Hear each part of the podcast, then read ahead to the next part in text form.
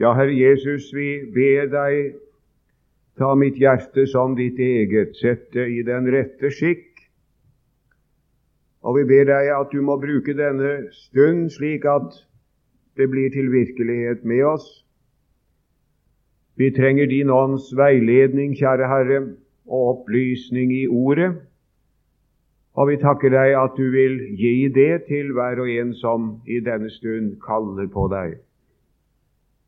Herre, vi priser ditt navn for nådestunden.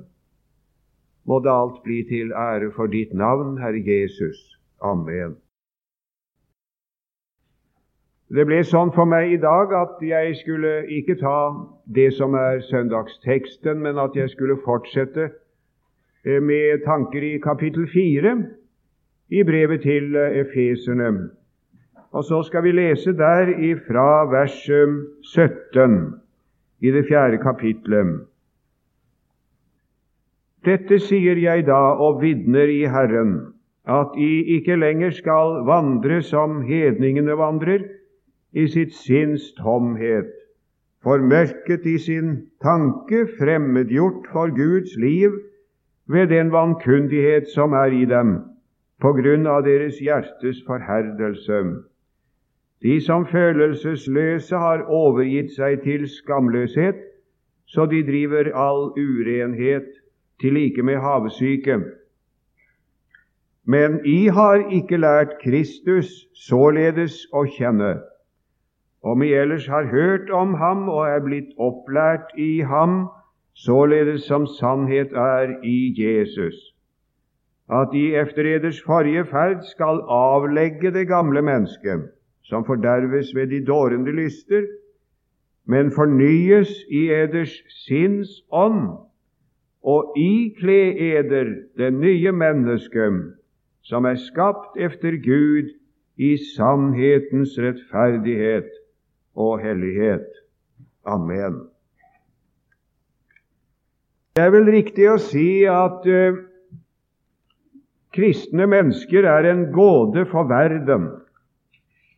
Det blir ikke klokt på de troende. Når jeg ser på dem og deres liv og gir akt på deres ord og vitnesbyrd, så ryster verden på hodet og skjønner ingenting. Det er vel det vanlige. De skjønner ikke verdens, de skjønner ikke de troendes eh, alvor. At mennesker som er unge og spreke og glade, og så kan de ikke være med på dansefester og noen verdens ting, men går der på bedehuset og i kirke sammen med gamle lesere. Er det noe greie på sånt? Det forstår ikke verden. Kjære, vi må da vel nyte livet mens vi har det. Nei, dette alvor og disse sukk og disse klager, det skjønner ikke verden seg på. Det er en gåte. Og så når da de troende eh, vitner og sier at de er så redd de skal bedra seg selv, for det er en kristens anliggende, det, at jeg ikke må bedra meg selv. Kjære Gud, sier en kristen, gransk mitt hjerte og kjenn mine tanker. Nei, dette skjønner jeg ingenting av, sier verdens barn da. Du må da, vite, du må da vite om du er ærlig. Du, du, må da vite om du er oppriktig og ærlig og mener det ordentlig.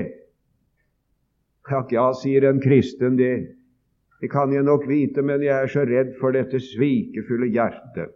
Nei, det skjønner verden ingenting. Og heller ikke skjønner verden noen ting av den kristnes glede. Når de troende stemmer i 'Jeg jeg stemmer i en frydesang om frelsen full og fri. Immanuel på korset hang, utgjød sitt blod for meg. Å nei, det, det liker de ikke engang. De syns det er aldeles ufattelig og litt usmakelig også å synge dette her om Jesus som utgjød sitt blod for meg. Så en kan nok trygt si det at for de vantro, for verdens barn, er de troende en gåte. De skjønner seg ikke på dem. Nå, Det er vel kanskje ikke så underlig, men vi må si en ting til.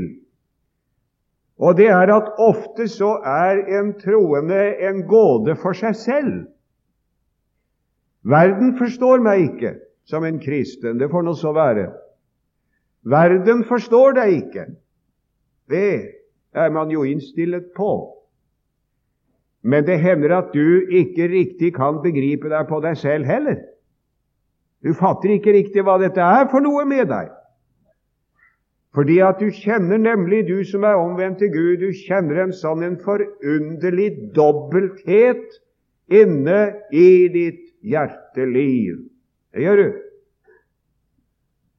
For på den ene side så synger det der inne Jesus, Jesus, Jesus sikter alt mitt hjertes ønske til, og seg derved sterkt forplikter at jeg vil hva Jesus vil.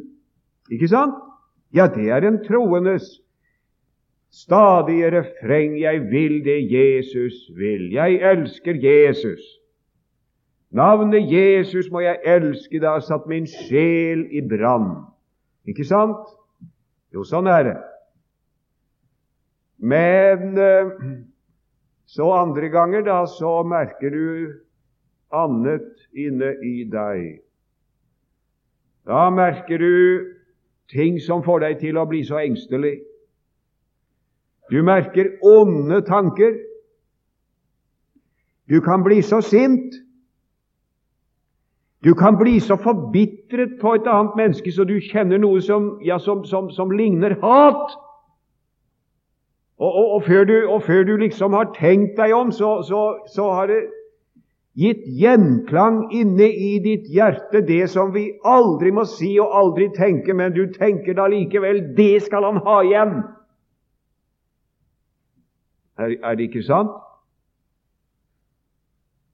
Og så er det alle de alle de tanker som har med det verslige å gjøre. Penger. Å, penger, penger. Det er noe fryktelig med penger. Penger er det er farlige greier, og det er ikke for ingenting Jesus han, han syns beint fram synd på rike folk. Han så etter en rik mann og sa 'Stakkars mann, sånne har det vanskelig'. Det er tungt og vanskelig å komme inn i himmelen for dem som har mange penger. Ja, ja, det vet vi da.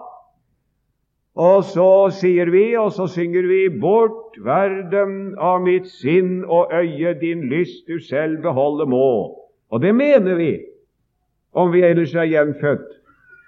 Men å, ja, det er rart med det, da. Det er rart med det, da.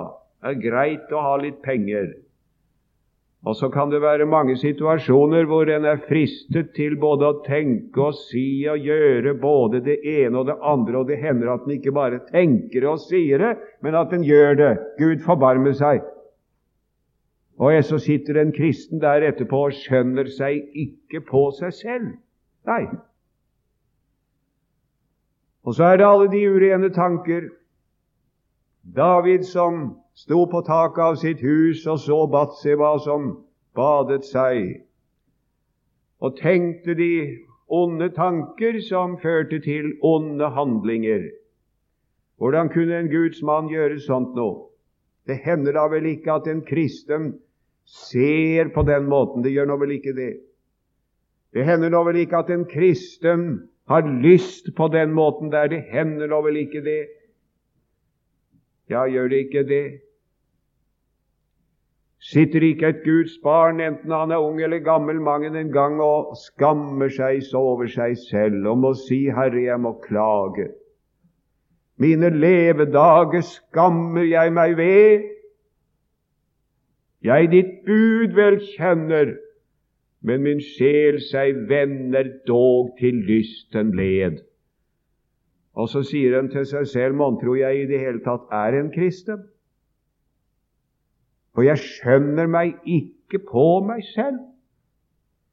Det er som om jeg er ikke én, men to som strir og kjemper. Og i denne kampen så hender det nok det, dessverre, at man blir forvirret, mister motet og faller fra troen. Og det ser ut for meg som ikke minst unge kristne som nylig er blitt omvendt til Gud, de har det spesielt vanskelig på dette punkt.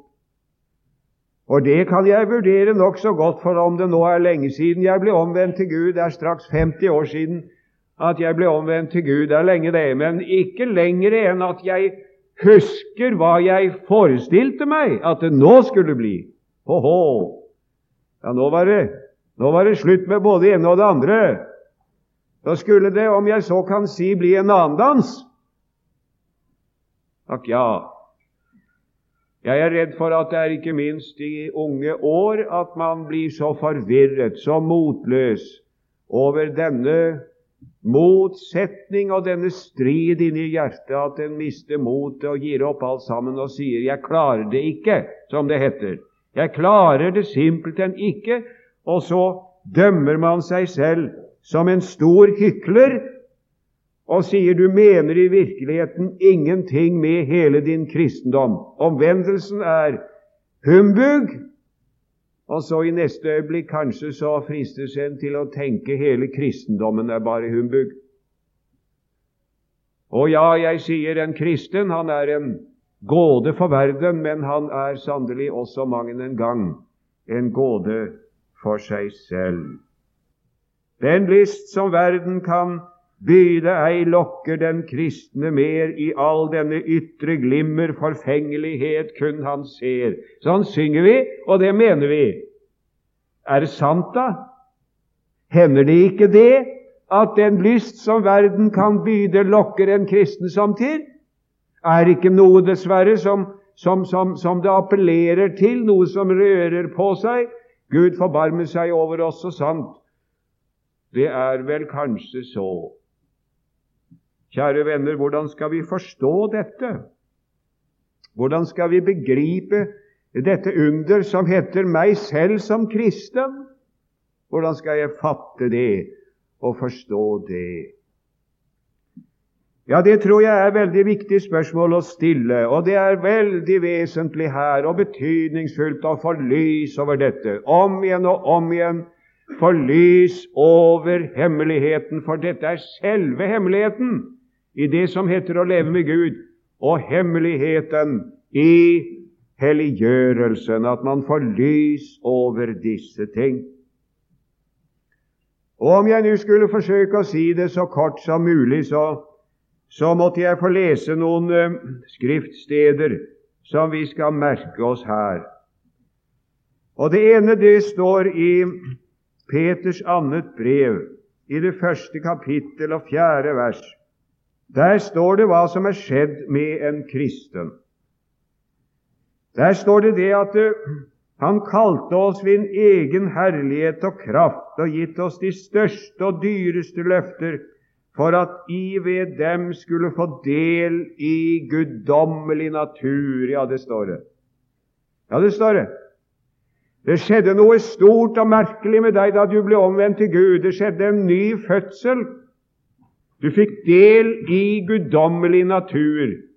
Det står det her i Guds eget ord, og det er så viktig å bli klar over nettopp det. Og tenk i Johannes evangeliet, der står jo akkurat det samme. Der står det akkurat det samme om gjenfødelsens hemmelighet.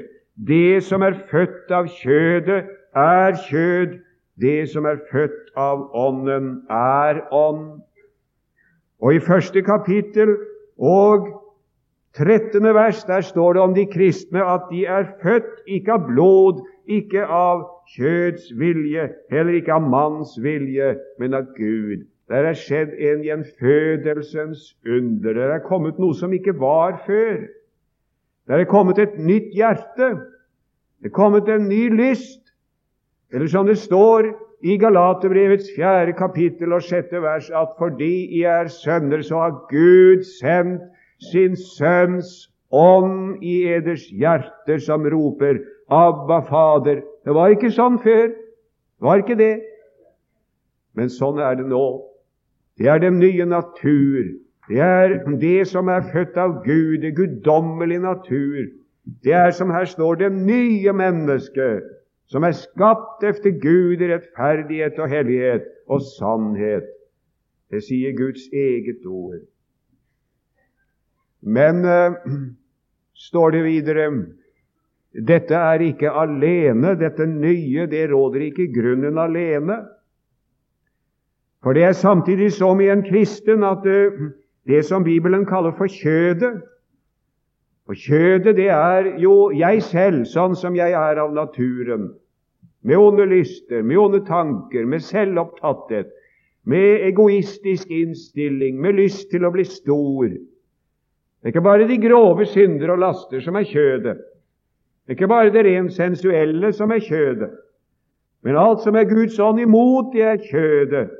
Det er storaktighet, det er griskhet, det er selvopptatthet. Alt dette, det er der fremdeles. Kjødet, akk, det er der fremdeles. Det er skjedd noe med kjødet. Det er skjedd noe med den gamle natur, med det gamle mennesket, da jeg kom til troen. Det er skjedd det at det ble korsfestet. Ble overgitt til døden. Ble overgitt til døden, sånn som det står i Romerbrevets sjette kapittel, for nå bare å nevne et av disse stedene, at vi ble begravet med ham ved dåpen til døden. Vi er blitt forenet med ham ved likheten av hans død Vårt gamle menneske ble korsfestet med ham for at syndelegemet skulle bli til intet, så vi ikke mer skulle tjene synden. Det ble korsfestet, det ble overgitt til, til døden. Nå er det jo noen som reiser omkring og forteller oss det at det går an å bli ganske kvitt kjødet.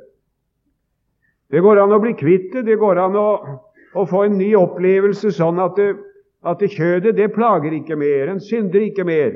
Nei, en blir praktisk talt fullkommen i ethvert fall, og, og, det gamle kjødet, det, det dør. Lysten til synd er der ikke mer. Akk ja, når jeg hører sånt, og når jeg leser sånt, og møter dem som snakker i den retning, som Ja, da, da må jeg si jeg setter store øyne på dem.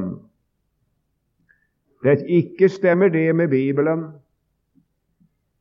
Bibelens bilde av en kristen det er dette at kjødet begjærer imot ånden, og ånden imot kjødet, og de to de står hverandre imot.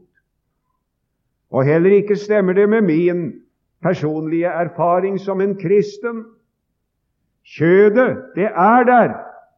Og det står i Romerbrevets åttende kapittel et veldig viktig ord som jeg vil be deg her at du, at du merker deg, min kjære venn som strever med helliggjørelsens hemmelighet og får ikke til. Det står i Romernes 8,7 at kjødets attrå er fiendskap mot Gud. For det er ikke Guds lov lydig, kan heller ikke være det. Hørte du det? Kjødet er der enda. Det er korsfestet, det er overgitt til døden, men dødt er det ennå ikke. Og nå skal jeg si deg en ting. Og det er at ditt gamle kjød og mitt gamle kjød er i dag ikke det minste spor mer hellig enn det var da jeg ble omvendt til Gud for 50 år siden. Ikke kjødet. Kjødet er ikke Guds lov lydig, kan heller ikke være det, for kjødets attrå er fiendskap mot Gud. Og jeg tror at det er mange en som kjemper seg til døde for å bli et hellig kristenmenneske. Og så er kampen i virkeligheten Den går ut på det at de skal gjøre den gamle Adam hellig. De skal tukte og piske sin gamle, syndige natur sånn at den blir hellig. Men det går ikke, det, forstår du. Det står i Bibelen at det ikke går. Vi leste det jo her. Vi leste det jo her. Og du skal ikke tenke deg at helliggjørelsens kamp går ut på det at du skal gjøre det godt og hellig som i seg selv er syndig og ondt. Det gamle mennesket kan ikke helliggjøres. Nei, men det skal dø. Det er noe annet, det. Det skal dø! Det skal avlegges. Mitt gamle syndige natur kan ikke bli hellig men det skal dø. Og det er en smertefull prosess. Og helliggjørelsen består da i det at det gamle mennesket dør. Ja, kjødet skal dø. Og det nye mennesket, hva med det? Det skal leve. Det skal bare leve. Bare leve, så er det Gud velbehagelig, for det er et nytt menneske. Det er en ny natur. Det er en guddommelig natur, skapt i en som er blitt en kristen, sånn at han er et nytt, har et nytt menneske, sånn som det står her. Prøv ikke på å gjøre ditt eget gamle, syndige kjød hellig, for det går ikke, det ser du, men la det bli overgitt til døden. Og la det nye mennesket leve. Ja, ja. Og det å overgi det gamle mennesket til døden, det er Vel, det er eh, noe av det som heter religiørelsens hemmelighet. Hvordan gjør vi det? Ja, jeg pleier å si det kort og enkelt på den måten at vi vet hva vi vet hva liv dør av. Det dør når ikke det får mat. Se til at ikke ditt gamle menneske får mat. Overgi det til døden. Ja, det er mange ting kunne sies der, både til unge og gamle. Ta Jesus med hvor hen du lenges, så blir du så glad i sinn men hvor din frelser utestenges, der skal du ikke selv gå inn. Du skal ikke lese disse fæle bladene.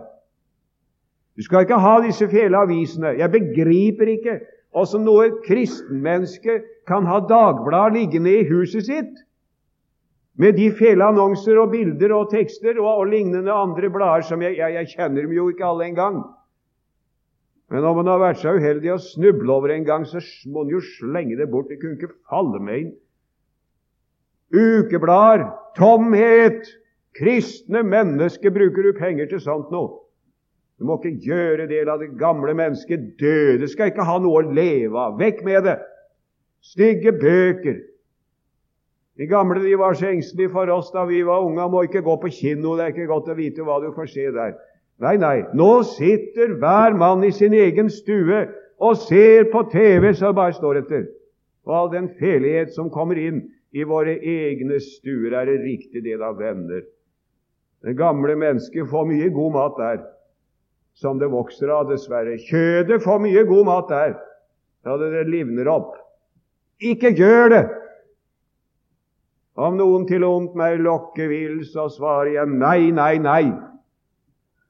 Mitt øye, mitt øre, min sjel lukkes til, og hendene åpner seg ei. Jeg går til min Gud i den evige ro, der hvor ondt ei skal bo. Den gamle konfirmantsangen, det er god, den. Og ber de meg synde for ingen det ser, så sier jeg nei, nei, nei. Et øye ser alt som i mørket skjer, og midnatten slumrer deg. granske min sjel om dets lyst og begjær til rettferdighet er, nekter det som det skal leve av. Men la isteden det nye mennesket få det som det lever av. Det er hemmeligheten. Hva lever det av, da? Lever av evangeliet. Den første hemmelighet med det å leve som et hellig Guds barn, vet du hva det er? Det er å ha en frigjort samvittighet i troen på Jesus. Sånn at jeg vet at jeg har ikke noe annet å rose meg av for Gud enn en Jesu Kristi rettferdighet og Hans nåde og tilgivelse. Ikke noe annet å rose meg av enn Jesu kors. En frigjort samvittighet, en glad og lykkelig samvittighet som vet det at, at jeg har ingen gode gjerninger som betyr noe for Gud. Ingenting. Men så har jeg heller ikke noen synder som fordømmer meg hos Gud for jeg står hellig og ren for Gud i kraft av blodet. Det er selve grunnbetingelsen for å leve et hellig liv med Gud. Det er ikke alltid en hører det. Det er ofte at slavepisken kommer fram. Og det er noen som formelig nyter dette her. Ja, det er det. Det ble sagt her forleden også med full sannhet. Det går en fortelling om Ludvig den 14. Han var ikke noe særlig kristelig mann i sin livsførsel, det mangla mye på det. Men han likte å høre store predikanter. Og så var det en som hadde holdt en dundrende skjemmepreken en dag om, om hvor skrøpelig det er med kristenlivet og, og sånt noe. Så, så kalte Hans Majestet Solkongen denne predikanten til seg, og så sa han det. Det er en stor fornøyelse, sa han, således å bli maltraktert av dem, monsignore. Ja, så levde han videre. Bot. Hva er bot? Dette ordet svirrer omkring i luften samtidig. Hva er bot? Ja, Det har Luther sagt greit og klart, i motsetning til alle katolske og halvkatolske forestillinger om hva bot er. Vet du hva bot er? Det er anger og tro. Ikke det beste annet. Det er anger og tro. Og angeren er forferdelsen i samvittigheten når jeg har gjort Gud imot, så jeg må angre at jeg har synda. Og troen, det er å fly til Jesu Kristi kors med all min synd og elendighet. Det er bot.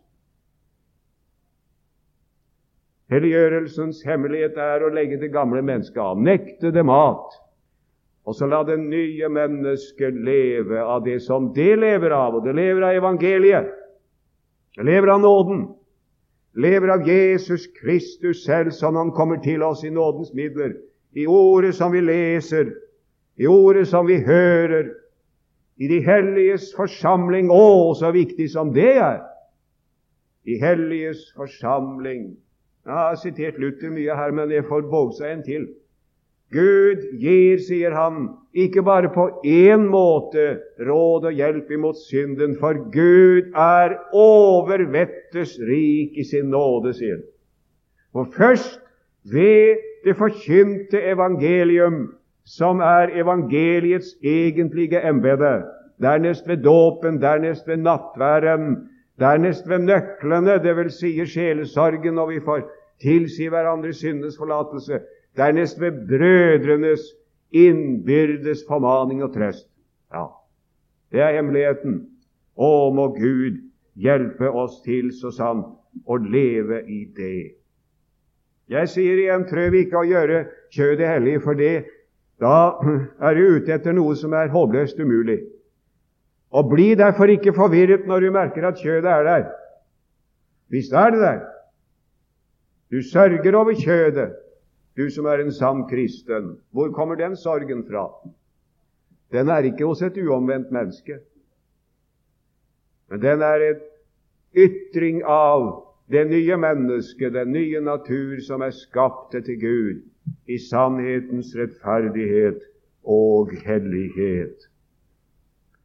I har ikke lært Kristus således å kjenne, sier apostelen her. Og Det er som om han med det vil si at det er én ting det henger på alt sammen, og det er Kristusopplevelsen. Det henger det på. Har du lært Jesus å kjenne? Har du det?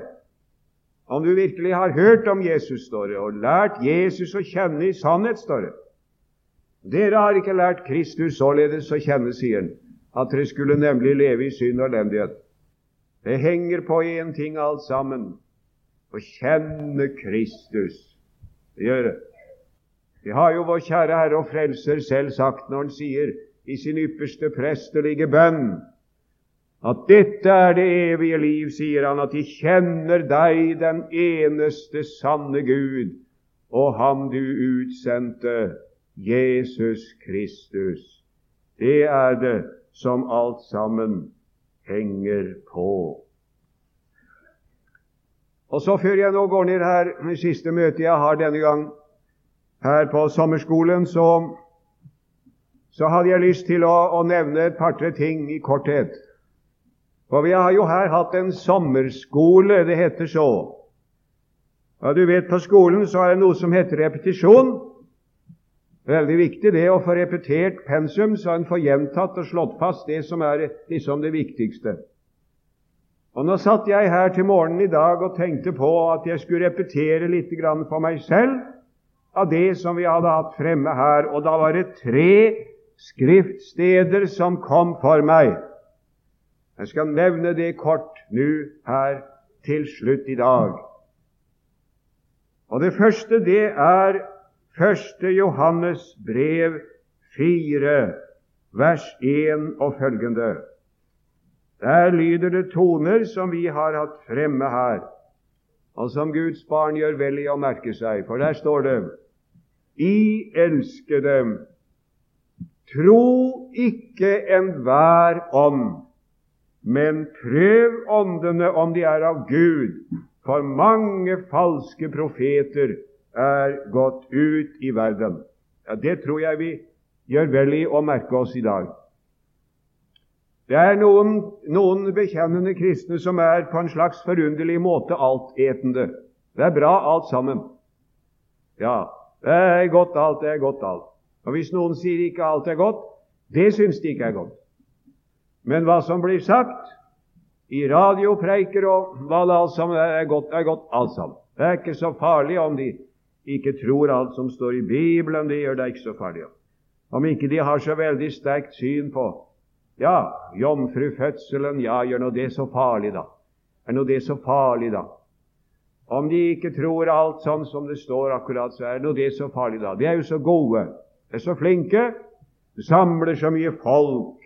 Å, de samler så, samler så mye folk. Det er ikke noen prøvesten, det, venner. Ikke efter Bibelen.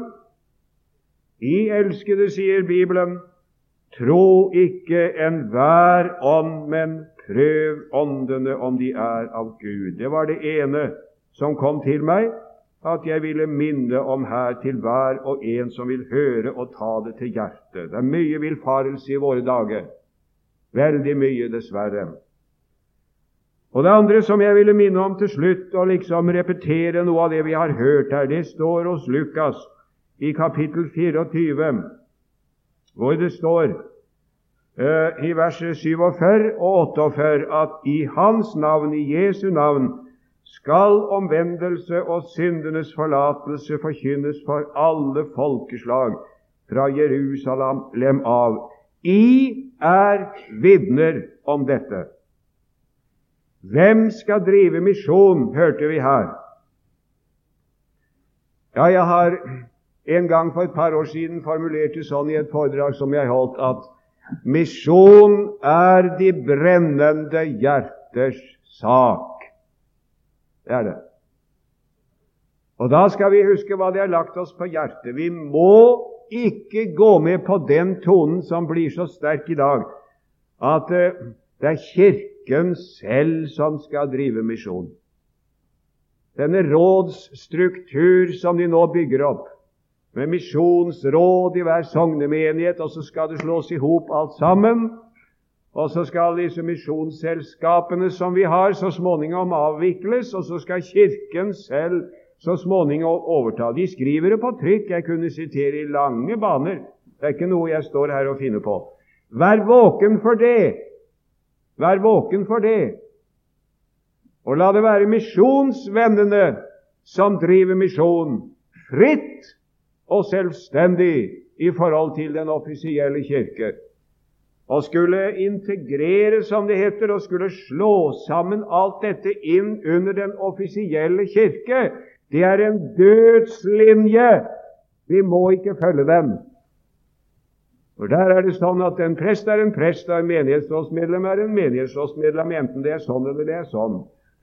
Nei, la det være de brennende hjerters sak som er misjonen. Og Det tredje skriftstedet jeg ville minne om, som jeg synes samler opp noe av det vi har hørt her, det er Lukas 12, 32.